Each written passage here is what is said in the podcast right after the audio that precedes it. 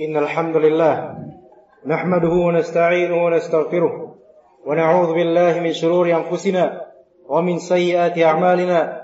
من يهده الله فلا مضل له ومن يضلل فلا هادي له. أشهد أن لا إله إلا الله وحده لا شريك له وأشهد أن محمدا عبده ورسوله لا نبي بعده. قال الله تعالى في كتابه الكريم يا أيها الناس اتقوا ربكم الذي خلقكم من نفس واحدة وخلق منها زوجها وبث منهما رجالا كثيرا ونساء واتقوا الله الذي تساءلون به والأرحام. إن الله كان عليكم رقيبا.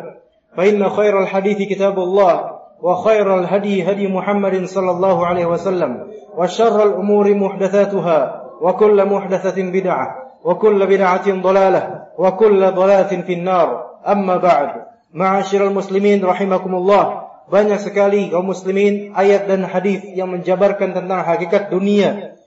Sebenarnya seperti apa dunia telah dijabarkan oleh Allah Subhanahu wa taala dan rasulnya. Kehidupan duniawi, kehidupan yang sekarang kita jalani adalah kehidupan yang sementara. Kita semua sepakat akan hal itu. Yang kelak kita akan mengalami yang namanya kematian. Kita tahu ayat Allah Subhanahu wa taala kullu nafsin dha'iqatul maut. Setiap dari jiwa pasti akan mengecap mengalami kematian. Semua dari jiwa, baik manusia maupun binatang maupun jin, semua manusia mengalami kematian. Dan para ulama juga sudah berusaha menjelaskan kepada kita semua tentang hakikat dunia. Di antaranya Ibnu Qayyim Al-Jauziyah rahimahullah taala. Untuk memudahkan orang dalam memahami hakikat dunia ini, maka Ibnu Qayyim rahimahullah taala dalam kitabnya Uddatus Sabirin membagi beberapa klasifikasi permisalan dari Allah Subhanahu wa taala tentang dunia. Seperti apakah dunia kita ini? Maka yang pertama dikatakan dunia ini ibarat bunga. Bunga yang elok dipandang dengan aromanya yang semerbak begitu wangi. Dunia ini begitu indah terasa secara zahirnya saja. Adapun pada hakikatnya dunia ini bisa menipu kita. Dan barang siapa yang mengejar dunia seperti anjing menjulurkan lidahnya dan menjilat-jilat bumi, maka sesungguhnya itu kesia-siaan untuk dirinya karena pada hakikatnya Allah Subhanahu wa taala menciptakan kita untuk hidup di dunia ini dan juga jin sekalian adalah untuk beribadah kepada Allah Subhanahu wa taala bukan untuk mencari ujung-ujungnya dunia. Allah Subhanahu wa taala berfirman, "Wa ma khalaqtul jinna wal insa illa liya'budun." Dan tidaklah aku ciptakan jin dan manusia kecuali untuk beribadah padaku.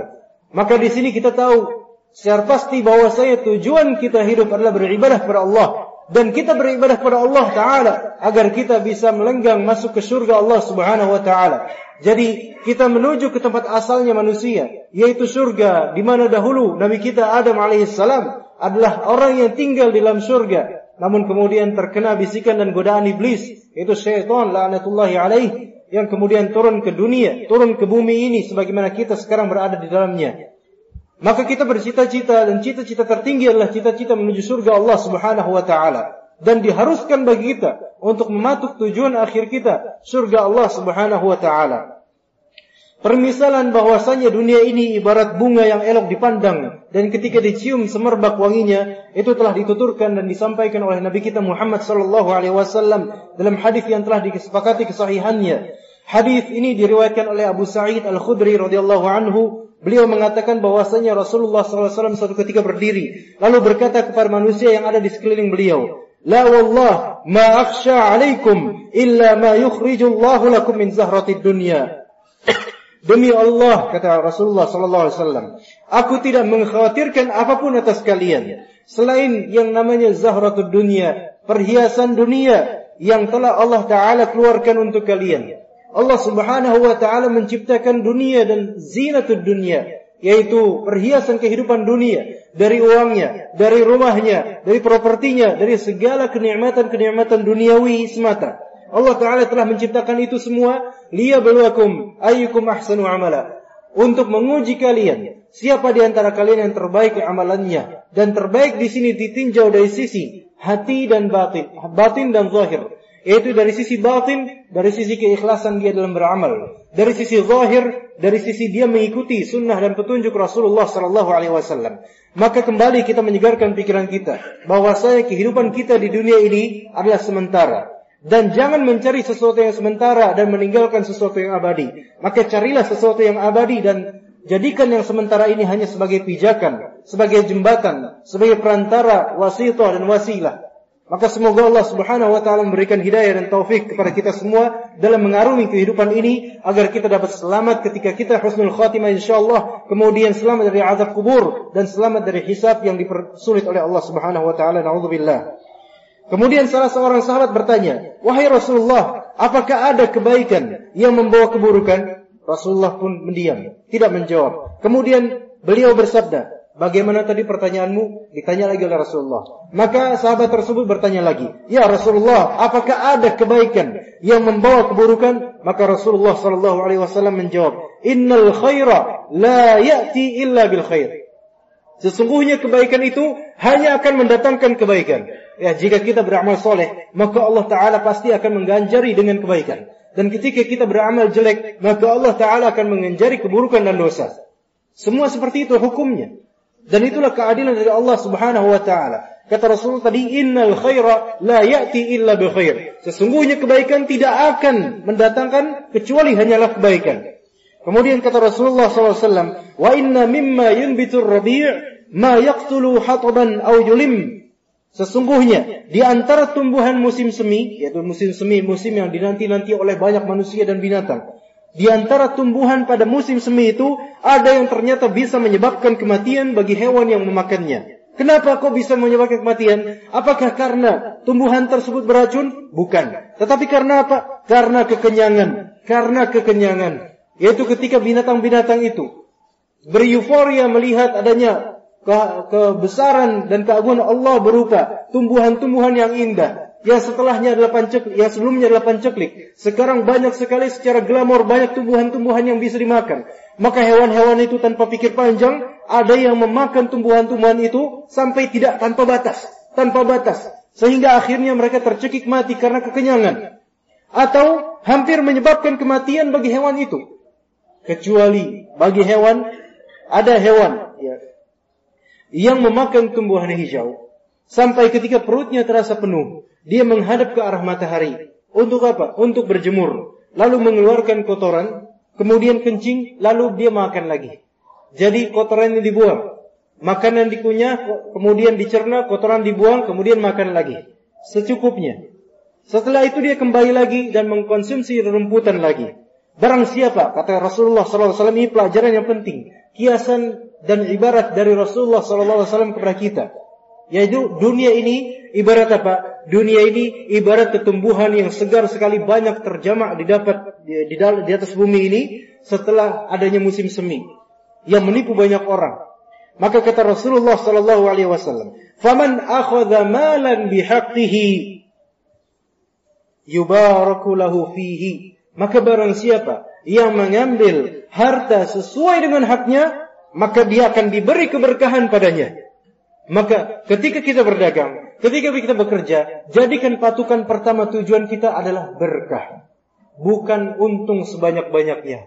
Tapi berkah. Keberkahan itu akan tercermin ketika kita telah menjalani profesi kita dengan cara yang baik. Tanpa adanya proses yang haram. Tanpa adanya tata cara yang haram. Maka Allah akan memberkahi harta kita memberkahi makanan dan minuman kita, memberkahi pakaian, celana, sarung dan seterusnya punya kita, dan memberkahi anak-anak kita. Memberkahi anak-anak kita karena apa? Karena mencari penghasilan dengan cara yang halal dan berhak mendapatkan itu. Kemudian kata Rasulullah, "Waman akhadha malan bighairi haqqihi famathaluhu kamathalil ladzi ya'kulu wa la yashba'." Kaum muslimin rahimakumullah, perhatikan kata Rasul yang terjemahannya. Dan barang siapa yang mengambil harta tidak sesuai haknya. Baik dia mencuri langsung, baik dia merampok, apalagi begal sampai membunuh orang, melukai orang, atau dia korupsi, nilai duit, atau apa pun cara-cara yang haram yang tidak sesuai dengan haknya, maka dia seperti orang yang makan dan tidak pernah kenyang. Pana'udzubillah. Bagaimana gambarannya? Orang makan, banyak makan, tapi dia tidak kenyang dengan banyak makannya itu. Perutnya penuh tapi dia tidak merasa kenyang. Akhirnya dia akan terjangkiti penyakit karena kerakusannya. Dan kita lihat orang-orang yang korupsi. Mereka mengumpulkan harta. Dan tujuan hidupnya adalah mengumpulkan harta. Maka mereka tidak akan pernah puas. Tidak akan pernah puas. Mereka selalu menjilat debu-debu bumi. Mereka siap melakukan apa saja demi menjilat debu bumi, na'udzubillah. Dan mereka lupa akan hari akhir. Mereka lupa bahwa segala yang diperbuat itu akan diminta pertanggungjawabannya di sisi Allah Subhanahu wa taala. Maka perhatikanlah ma'asyiral muslimin rahimakumullah bahwa saya dalam Islam segala macam akad dan muamalah sosial interaksi kita semua ada aturannya dalam agama kita. Tidak seperti agama lainnya mungkin aturan mereka hanyalah di tiang-tiang gereja atau di tiang-tiang peribadatan. Tetapi agama kita mengajarkan bagaimana cara tersenyum, mengajarkan bagaimana caranya cebok bahkan, mengajarkan bagaimana caranya membersihkan dari cebok, membersihkan dari kotoran. Semua itu diatur dalam Islam dan dalam akad-akad jual beli, dalam sistem pekerjaan, sistem pemerintahan, semua telah diatur dalam Islam. Maka jadilah orang-orang yang memiliki spirit untuk mengikuti Allah dan Rasulnya dalam menjalani kehidupan ini. Karena jika tidak, maka dicabutlah oleh Allah Subhanahu wa taala keberkahan. Oleh karena itu banyak dari kaum muslimin, kaum muslimin kita tidak bicara dengan orang-orang yang tidak muslim. Kaum muslimin sendiri, mengapa banyak di antara mereka haus demi kehausan, mereka menjalani kehidupan sehari-hari, bekerja pagi datang, kemudian pulang malam.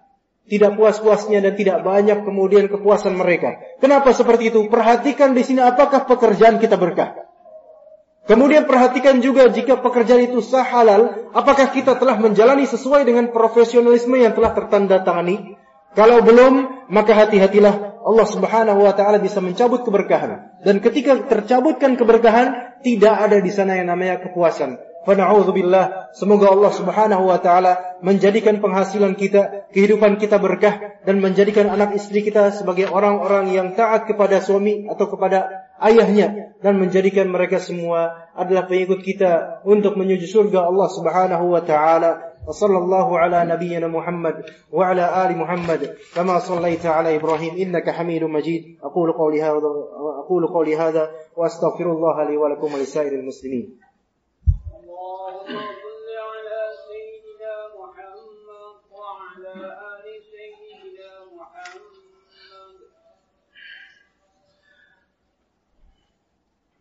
الحمد لله العلي الجبار واسع الفضل والمنة. Zil Jalal wal ikram. Wassalatu wassalamu ala al-Mustafa Muhammad wa ala alihi wa sahbihi ajma'in. Jamaah kaum muslimin rahimakumullah.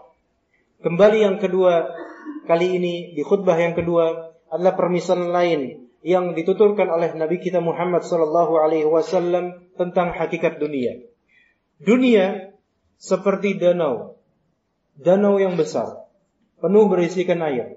Tapi namun hampir kering air tersebut. Karena apa? Karena disesaki oleh manusia dan hewan. Semua manusia dan hewan berangkat menujunya. Dan danau itu makin kering. Makin kering, mengering, mengering. Danau ibarat, ya, dunia ibarat danau yang besar, penuh air, menjadi sumber kehidupan bagi hewan dan manusia. Perlahan-lahan debit air danau tersebut menipis karena volume yang datang kepadanya begitu banyak. Sampai akhirnya tidak ada sisa. Kecuali sedikit saja ya, yang keruh di dasar danau dan itu telah tercampur dengan uh, lumpur dan lain-lainnya. Air yang sedikit ini kini telah dikencingi banyak oleh binatang-binatang, telah diinjak oleh banyak manusia. Sementara tetap manusia dan hewan-hewan menceburkan diri ke dalam danau yang cetek itu. Sebagaimana diriwayatkan oleh Imam Muslim dalam sahihnya dari Utbah bin Ghazawan bahwa ia menyampaikan khutbah kepada mereka. Di dalamnya ia mengatakan, "Inna dunya qad adzinat bisawm." Sesungguhnya dunia sudah mengisyaratkan akan berakhir. Sebentar lagi dunia akan berakhir. Wawallat hadza dan akan berjalan cepat tanpa disadari. Dan tidak tersisa darinya kecuali sekadar saja sisanya seperti sisanya air dan teko yang dituangkan oleh pemiliknya. Dan sesungguhnya di sini kata sahabat tersebut wa innakum muntaqiluna minha ila darin la zawala laha. Sesungguhnya kalian akan berpindah dari dunia menuju tempat tinggal yang tidak ada masa kehancurannya. Kita tahu bahwa dunia pasti hancur. Dan kita kelak akan berpindah kepada tempat yang tidak akan pernah hancur. Yaitu negeri akhirat. Maka berpindahlah kalian dari dunia dengan membawa segala yang terbaik yang kalian miliki. Dan Allah Subhanahu wa taala telah mengatakan kepada kita, "Wa tazawwadu fa inna khairaz zadi taqwa." Dan berbekallah kalian menuju akhirat nanti dan sebaik-baik bekal adalah ketakwaan. Kita lihat ada orang yang mungkin agamanya beda dengan kita. Mereka saking rakusnya dengan dunia dan mengira bahwa saya dunia akan bermanfaat buat akhirat, yaitu harta segala bermanfaat buat akhirat. Mereka mengira seperti itu akhirnya. Ketika mereka dikubur, semua barang-barang dan harta mereka dikubur juga. Seolah-olah itu akan memberikan syafaat. Demi Allah tidak. Yang akan menjadi penyelamat kita setelah Allah dan rahmatnya adalah amalan-amalan kita yang akan dihisab, yang akan diperhitungkan oleh Allah Subhanahu wa taala. Abdullah bin Mas'ud radhiyallahu anhu mengatakan, "Inna Allah taala ja'ala dunya kullaha qalila wa ma baqiya minha illa al-qalil min al-qalil." ومثل ما بقي منها كالثغب يعني الغدير شرب صفوه وبقي كدره Kata Ibnu Mas'ud radhiyallahu anhu, sesungguhnya Allah Azza wa Jalla menjadikan seluruh dunia itu sedikit dan yang tersisa itu amat sedikit dari yang sudah sedikit. Sisanya berupa air kolam kecil yang telah diminum baginya yang jernih dan tersisa air yang keruhnya. Maka perhatikan kaum muslimin sekalian rahimakumullah bahwasanya kita sementara di dunia ini maka janganlah kita patukkan akhiran kita di dunia. Janganlah kita menjilat pada debu-debu dunia karena sesungguhnya dunia itu akan merugikan kita jika kita tidak menjadikan dunia ini sebagai pijakan untuk menuju akhirat bertemu Allah Subhanahu wa taala membawa amalan-amalan soleh. وصلوا وسلموا رعاكم الله على محمد بن عبد الله كما أمركم الله بذلك فقال إن الله وملائكته يصلون على النبي. يا أيها الذين آمنوا صلوا عليه وسلموا تسليما. وقال صلى الله عليه وسلم من صلى علي واحدة صلى الله عليه عشرة. اللهم صل على محمد وعلى آل محمد كما صليت على إبراهيم وعلى آل إبراهيم إنك حميد مجيد. اللهم أعز الإسلام والمسلمين وأذل الشرك والمشركين ودمر أعداءك أعداء الدين. اللهم اغفر للمسلمين والمسلمات والمؤمنين والمؤمنات الأحياء منهم والأموات. إنك سميع قريب مجيب الدعوات. ربنا إننا ظلمنا أنفسنا وإن لم تغفر لنا وترحمنا لنكونن من الخاسرين. عباد الله إن الله يأمركم بالعدل والإحسان وإيتاء ذي القربى وينهى عن الفحشاء والمنكر والبغي يعظكم لعلكم تذكرون. واشكروه واذكروه على نعمه يزدكم. ولذكر الله أكبر.